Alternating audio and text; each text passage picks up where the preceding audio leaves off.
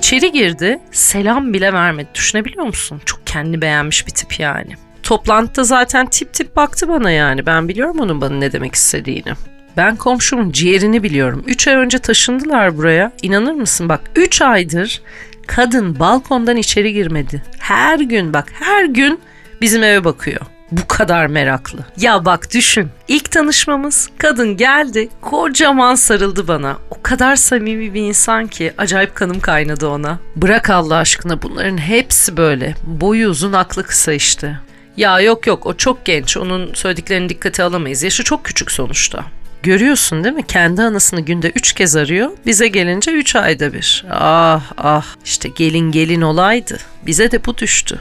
Instagram'da paylaştığı fotoğrafları görmüyor musun Allah aşkına? Ya bu kadar görgüsüzlük olamaz gerçekten.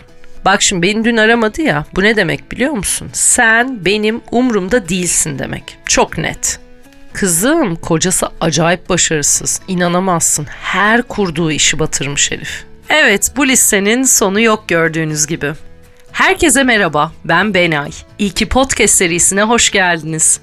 Bu bölümde ön yargıyı konuşacağız sizinle. Yani peşin hükümlülük, önden verilen yargıları konuşacağız. Ön yargı dediğimizde her zaman aklımıza negatif içerikler geliyor. Halbuki pozitif bir içeriğe sahip ön düşünce de yine ön yargının tabii ki sınırları içinde. Peki ön yargı kötü bir şey mi? Yani ön yargısız insan yok mu bu hayatta? Ve ön yargı ne zaman yargıya dönüşüyor, dönüşmelidir ya da dönüşmeli midir gibi soruları birlikte irdeleyeceğiz. Hadi başlayalım o zaman. Girişte sıraladığım cümleleri dinlediniz ve onları dinlerken her biri size uzaydan geldi eminim ki. Ben de seslendirirken, kurgularken uzaydan kurguladım ve hiçbiri hayatın gerçekliğinin içinde yok. Hiçbirimiz böyle cümleler kurmuyoruz. Asla yanından bile geçmiyoruz.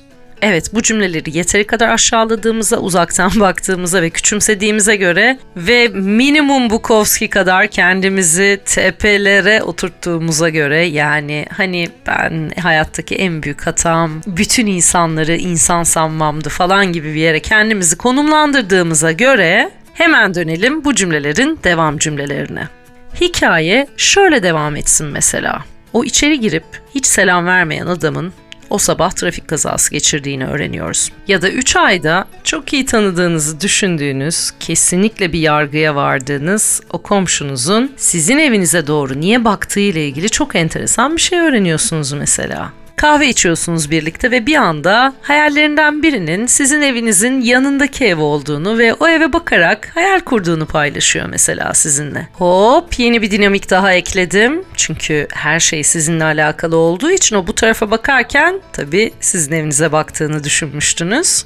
Ya da ilk tanıştığınızda hani o inanılmaz güzel enerji aldığınız kişinin ne kadar bencil olduğunu öğreniyorsunuz bir 3-5 ay sonra mesela. Ya da arada sırada sezgilerle ilgili çok ekstrem bir durum yoksa ortada tabii ki doğru hissettiğimiz anlar da olabiliyor. Ama işte o bir kere doğru kodlama ya da bir kere doğru hissetme hayatın tamamına da sirayet edebiliyor bazen. Ya bak ben hiç yanılmıyorum görüyorsun. O kişinin de öyle olduğunu anlamıştım ve keza öyle çıktı. Çünkü neden tatlım biliyorsun hislerim çok kuvvetli diyebiliyoruz bazen değil mi? İşte o kadar çok versiyon var ki, o kadar fazla dinamik var ki. O yüzden bu kadar zor gibi görünüyor. Ama temelde aslında ne kadar basit noktalarda buluşabileceğimizi bu bölümde konuşacağız elbette. Ve bu bölüm genelinde aslında tabii ki ön yargıdan bahsederken yargılardan da bahsedeceğiz ama ön yargı daha savunmasız bir noktada. Çünkü eli kuvvetsiz aslında. Yargıdaysa durum biraz daha farklılaşıyor elbette ki. Yaşananlar giriyor devreye, tecrübeler giriyor ve oluşabilecek minimum versiyonlara bakar mısınız? Karşımızdaki insan değişebiliyor, biz değişebiliyoruz, gelişiyoruz, dönüşüyoruz. Karşımızdakini doğru ya da yanlış tanıyabiliyoruz mesela. Ya da farklı zamanlarda farklı dinamiklerle birlikte bambaşka yönünü görebiliyoruz o insanın. E ayrıca tüm bunların yanı sıra zaman içinde karşımızdaki değişebiliyor. Biz aynı kalabiliyoruz. Yine fikirler değişebiliyor. Veya biz değişirken karşımızdaki aynı kalabiliyor. Yine fikirler değişebiliyor. İki tarafta değişiyor, fikirler değişiyor. İki tarafta değişmiyor, fikirler değişiyor. Yani verilen yargılar da dönüşüyor elbette ki. Çünkü kararlar ve düşünceler çok dinamik. Tıpkı hayat gibi. Yaşımız kaç olursa olsun bunun ömür boyu süren bir yolculuk olduğunu unutmadan ve her zaman yanılma ihtimalimizi de iyi anlamda da kötü anlamda da cebimizde tutarak tabii ki ilerlememiz gerektiğine inanıyorum. Ve şöyle bir düşünüyorum. Can Yücel'in davet şiiri geliyor aklıma. Tam da bu noktaya o kadar güzel yakışır ki diye düşünüyorum ve sizin için şöyle bir seslendireyim istedim. Ve Büyük Usta'nın şiiri şöyle başlıyor. Şunları bir araya toplayayım, bir güzel muhabbet edelim diye düşündüm. Mutfak işinden de anlarım. Donattım sofrayı.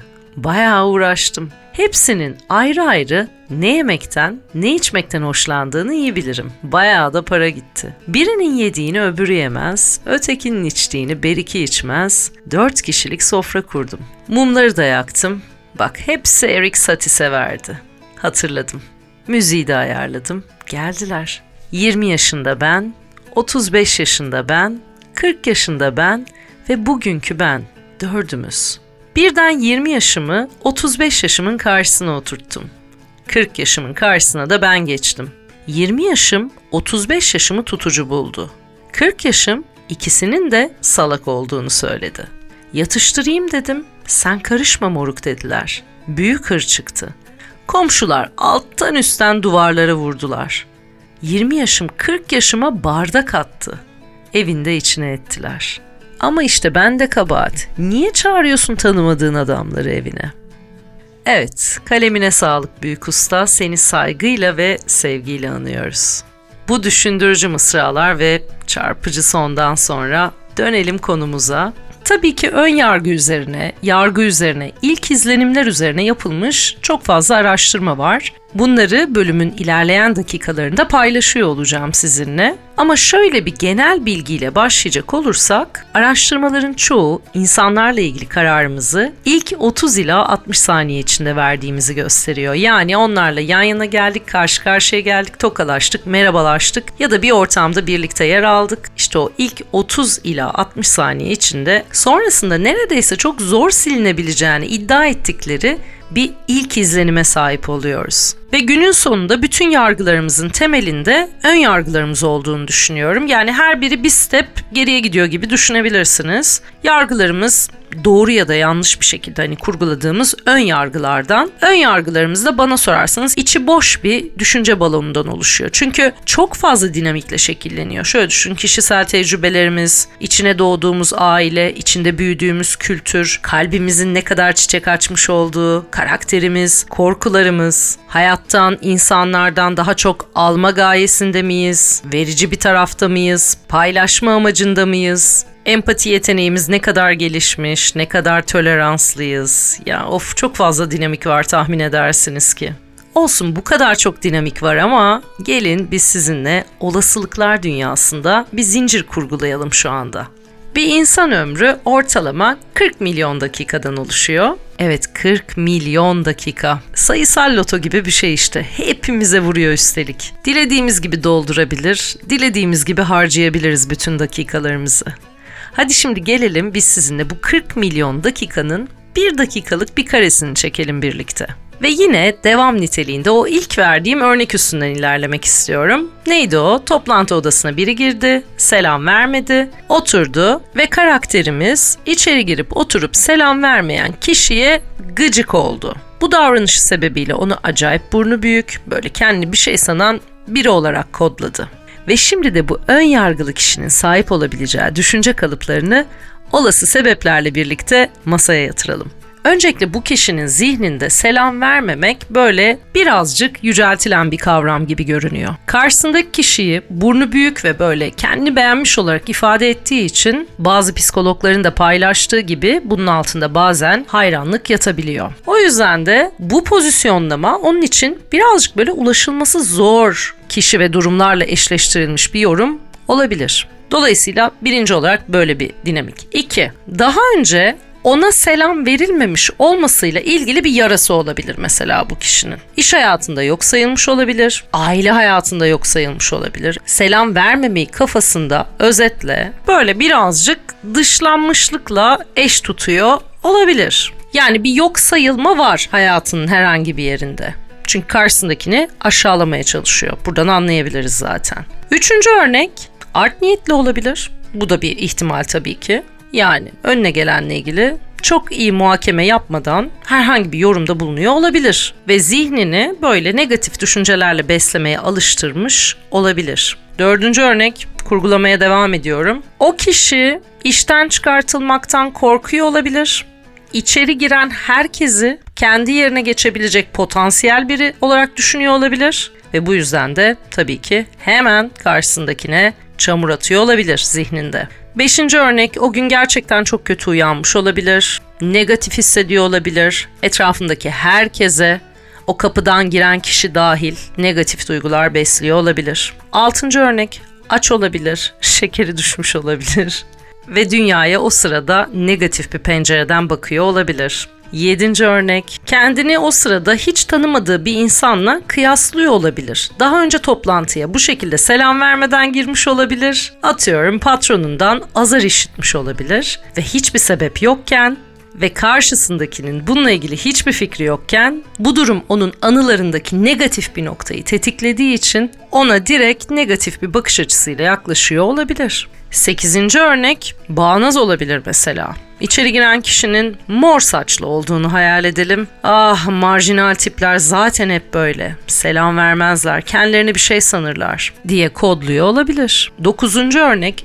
içinde yetiştiği kültürde bir ortama girildiğinde selam verilmesinin çok önemli bir değer olduğu kendisine öğretilmiş olabilir. Bu yüzden de içeri selam vermeden giren herkese karşı ön yargılı bir düşünce tarzına sahip oluyor olabilir. Onuncusu içeri girenin bir kadın olduğunu düşünelim. İnanılmaz güzel bir kadındır. Ona bakan kadın acayip kıskançlık hissedebilir. Neden bende yok enerjisi patlak verebilir ve hemen tabii ki ne yapabilir zihin? Aa zaten yani hemen bir kötü taraf bulalım selam vermedi yani güzel olsa ne yazar diye düşünebilir. E 11'e de bir tane ırkçı bir yaklaşım ekleyelim. Mesela ilk sırka karşı dehşet bir ön yargıyla bakan birisi olsun. E zaten şu ırktan yani şuralı çok normal selam vermemesi diyebilir. Bunun gördüğünüz gibi sonu yok. Bunlar benim 5 dakikada üretebildiğim örnekler. Milyonlarca versiyon olabilir ve 40 milyon dakikanızdan yiyorum şu anda farkındayım. Ama burada altını çizmeye çalıştığım şey aynı şekilde minimum 10 tane versiyonda toplantıya giren kişi için üretebiliriz. Hayır şimdi onu yapmayacağım ama bir tane basit örnek vermek istiyorum. Ters köşe olsun mesela. Bu toplantıya giren kişi de Örnek veriyorum ailesinde, içinde yetiştiği kültürde ya da çalıştığı kurumlarda eğer süre gelen bir toplantı varsa toplantıyı bölmemek, kesmemek adına, saygısızlık yapmamak adına toplantıya girip direkt sessizce ilgili boş bir sandalyeye ya da kendi sandalyesine oturmayı öğrenmiş, deneyimlemiş olabilir mesela. Olamaz mı? Olabilir. Olabilir valla. Her şey mümkün bu hayatta. Hem düşüncenin olasılıkları sonsuz hem de olayların ihtimaller zinciri çünkü. Hem de diğer taraftan ön yargılarımızın ve yargılarımızın versiyonları ise sayılamayacak çeşitlilikte. Ama işte hiçbir kusursuz değil. Hatırlayalım ne demişti Einstein? Ön yargıları parçalamak atomu parçalamaktan daha zordur. Bazen gerçekten fikir üretmemek, şöyle biraz dışarıdan bakabilmek, işin içine çok fazla girmemek, kişiyi hemen ve hızlıca tanımaya çalışmamak, zamana yaymak, hayat dinamiklerinin içinde yer bulmasını sağlamak çok kıymetli. Çünkü mesela bir zaman geçiyor ve şöyle düşünebiliyoruz. Ben bu insanı nasıl sevdim? Ya da ben bu insanla ilgili nasıl bu kadar yanlış bir şey düşünebildim diyebiliyoruz ya da ben bu insanla ilgili bunları nasıl göremedim diyebiliyoruz. Ya da bu insan neydi, ne oldu yani nasıl güzel değişti diyebiliyoruz. Özetle bu ve benzeri versiyonların her birini ve daha fazlasını biz başkaları için söyleyebiliyoruz, düşünebiliyoruz. Başkaları da keza bizim için aynı şeyleri farklı farklı versiyonlarıyla düşünebiliyorlar. O çok sevdiğim cümleyi bir daha hatırlayalım istiyorum. Kimin nasıl bir anısı haline geleceğimizi asla bilemeyiz. Çünkü bu çok değişkenli bir tecrübe yolculuğu ve sürekli hareket halinde. Ve bu tecrübe yolculuğunun içinde bir şeyi doğru yargılamak, doğru muhakeme etmek zaten oldukça zor. Çünkü zaten düşünürler doğru bir yargıya ulaşmanın mümkün olup olmadığını yüzyıllardır sorguluyorlar ve ön yargıyla yargının farkını da tabii ki tartışıyorlar. Yargıda mesela deneyim giriyor işin içine. Biraz daha zaman geçiriyorsunuz. İşte atıyorum bir şeyler deneyimliyorsunuz o kişiyle, kurumla, durumla ilgili ve bu tecrübeden ön yargılar sırasında çıkan versiyonlar yetmiyormuş gibi bir de bir yargıya vardığımızı düşündüğümüz anda da aslında milyonlarca olasılık opsiyon olarak yer almış oluyor. Ve bu olasılıklar arasında en önemlisi gerçekten kör bir ön yargıya ve kör bir yargıya sahip olmamak sanırım. Yani tüm ön yargılarımızın yani varsayımlarımızın ve tüm yargılarımızın bir gün değişebilir olduğunu kabul ederek bu yargıları çıkartmamız gerekiyor hayattan. İşte tam bu noktada birazcık Gordon Allport'tan da bahsetmek istiyorum size. Gordon Allport Amerikalı bir psikolog. 1950'lerde Harvard Üniversitesi'nde psikoloji profesörü olarak görev alıyor ve 1954 yılında yayınlanan Ön Yargının Doğası diye de bir kitabı var. Temas teorisinden bahsediyor bu kitapta. Nedir o? Diyor ki temelde diyor sizden farklı olan gruplarla ya da farklı olduğunu düşündüğünüz gruplarla yeterince dirsek temasında olursanız eğer tüm korkularınız yok olacaktır diyor. Ve sonra şöyle devam ediyor. Onlarla ortalama bir süre geçirdikten sonra bazı şeyleri fark etmeye başlarsınız. Nedir bunlar diyor. Mesela onların farklı davranışları olabilir. Farklı değer yargıları olabilir her şeyin başında ve hatta onların sizden bilişsel ve fiziksel farklı niteliklere sahip olduklarını bile fark edebilirsiniz diyor. Bir de böyle çok basit bir zeminde dönen aşırı genelleştirmeler içeren stereotipleştirmeye de bakalım istiyorum. Stereotipleştirme bilimsel olarak ilk kez 1922 yılında Walter Lippmann tarafından tanımlanıyor. Nedir stereotipleştirme? Bir grup insanın ön yargılı bir şekilde tanımlanması aslında ve dünyanın o büyük çeşitliliğini tanımlamaya yardımcı olduğu iddia edilen kalıplar aslında. Ve Lippmann şunun altını çiziyor. Stereotipleştirme gerçek denilen kavram içinde üretilebilir, insanlar içinde üretilebilir. Genellikle hatalıdır ve basit yapıdaki aşırı genelleştirmeleri içerir. Örnek verelim mesela tabii ki bölümün başından beri verdiğimiz örneklere ek olarak stereotipleştirmeye tam örnek verecek olursak sarışın kadınlar aptaldır. Bu tarz yorumlar ya da işte trafikte bir araba yavaş gidiyorsa sürücü kesin kadındır diye düşünülmesi. Ya da iyi konuşan, kendini iyi ifade eden birisi için ağzı iyi laf yapıyor. İyi avukat olur bundan denmesi gibi. Ya da bu stereotipleştirmenin iş görüşmelerine nasıl yansıdığına bakalım. Bu noktada da asgari gayret ilkesi adı altında bir kavramdan bahsediyorlar. Nedir bu? İnsan kaynakları direktörü görüşmeleri yapıyor. Sonra atıyorum adayları 2-3 kişiye düşürüyor. Bu noktada da birbirine yakın CV'ler olduğunda ve son karar verilmeye çalışılırken ve karar veremediğinde insan kaynakları yöneticilerinin de stereotip algılara başvurabildiğinin altını çiziyorlar. Nedir bunlar? İşte özgeçmişinin nasıl yazıldığı, nasıl giyindiği, ne kadar dakika olduğu. İşte atıyorum eğer aday dağınık görünüyorsa ve bakımsızsa o sırada görüşmeyi yaptığı insan kaynakları yöneticisi o kişinin düzensiz ya da plansız olduğunu varsayabiliyor diyorlar. Ya da örneğin aday görüşmeye geç kaldıysa karşısındaki insan kaynakları yöneticisi o adayın zaman yönetiminin kötü olduğu kararını verebiliyor. İşte bunlara stereotip algılar diyorlar ve gerçeklerden ziyade yerleşmiş fikirlere dayandığının altını çiziyorlar. İş başvurularında da bu stereotipleştirme işte boşlukları dolduruyor diye paylaşıyorlar. Bu arada insan kaynakları yöneticisi demişken takip edenler biliyor. İyi ki podcast serisinin 3. ve 4. bölümlerinde sevgili arkadaşım insan kaynakları direktörü Müge Gabbett konuk olmuştu. Müge bir daha konuk olduğunda kesinlikle notlarım arasında yer alacak ve iş görüşmelerinde stereotipleştirmeyi mutlaka kendisine danışıyor olacağım. Evet birazcık da yapılan araştırmalardan bahsetmek istiyorum size. Psikologlar aslında bu ön yargıya ya da ön görüşe ya da ilk izlenim denilen şeye thin slicing diyorlar. Yani Türkçe'de bunu ince bir dilimleme, ince kısa bir kesit olarak adlandırabiliriz. Mantığı da şu. İnsanların hakkında hiç bilgi sahibi olmadıkları konu ya da kişilerle ilgili bölümün başında da bahsettiğim hani o birbirinden farklı dinamiklerle birlikte bir ön yargıya ön düşünceye sahip olmaları durumu. Ve zamanla da konu hakkında elimizde daha çok done, daha çok veri olduğunda da bu düşünceler değişiyor, zayıflıyor ya da daha güçlü kararlara doğru evriliyor diye paylaşıyorlar. Ve araştırmalar diyor ki insanlar sizinle tanıştıkları an o an gerçekten sizin statünüzden zekanıza, hatta vicdanınıza kadar birçok konuda karar veriyorlar. Mesela Pensilvanya Üniversitesi'nin yapmış olduğu bir araştırmaya göre birinin sizden hoşlanıp hoşlanmadığına karar vermesi yalnızca 3 saniye sürüyor diyorlar. Ve tabii şunu da araştırıyorlar eş zamanlı olarak. Başkalarının sizi nasıl gördüğü üzerinde bizim ne kadar kontrolümüz olabilir? Elbette bir miktar var diyorlar. Yani temiz, güzel, düzgün giyinmek, konuştuğunuz kişinin gözlerinin içine bakarak gerçekten dinlemek. Mesela Alport da bunun altını çiziyor. Diyor ki bölünmemiş dikkatini bana veren insanlardan her zaman etkilenirim. Dikkatli dinleyici olmak, ahkam kesmemek, laf kesmemek, bölmemek çok önemli diye paylaşıyor. İngiltere'de ise bambaşka bir araştırma yapılıyor. Katılımcılara 5 saniye boyunca çeşitli fotoğraflar gösteriyorlar. Fotoğrafların yarısında erkeklerin üzerinde özel dikim takım elbise mevcut. Diğer yarısında ise normal hazır alınmış birer takım elbise var.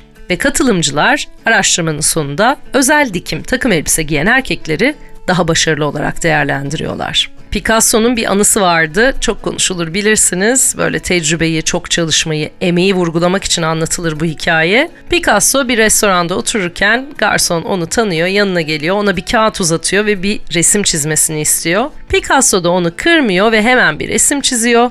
5 dakika içinde kağıdı garsona veriyor ve 1000 dolar istiyor. Garson da diyor ki çok para istediniz yani 5 dakikada çizdiniz bunun için 1000 dolar mı istiyorsunuz benden diyor. Picasso da şöyle cevap veriyor sadece 5 dakika değil 40 yıl artı 5 dakika. Düşünsenize sadece başarılı olmanız da yeterli değil. Yani ilk izlenim içinde bu formülü minicik bir revize edelim o halde. Gerçek tecrübe ve başarı için 40 yıl bütün bu tecrübenin zaman dinamiğinden bağımsız olarak akmasına 5 dakika. Bir de başarınızı taçlandıracak o ilk izlenim için de özel dikim takım elbise. Yani formül bildiğiniz şuraya bağladı.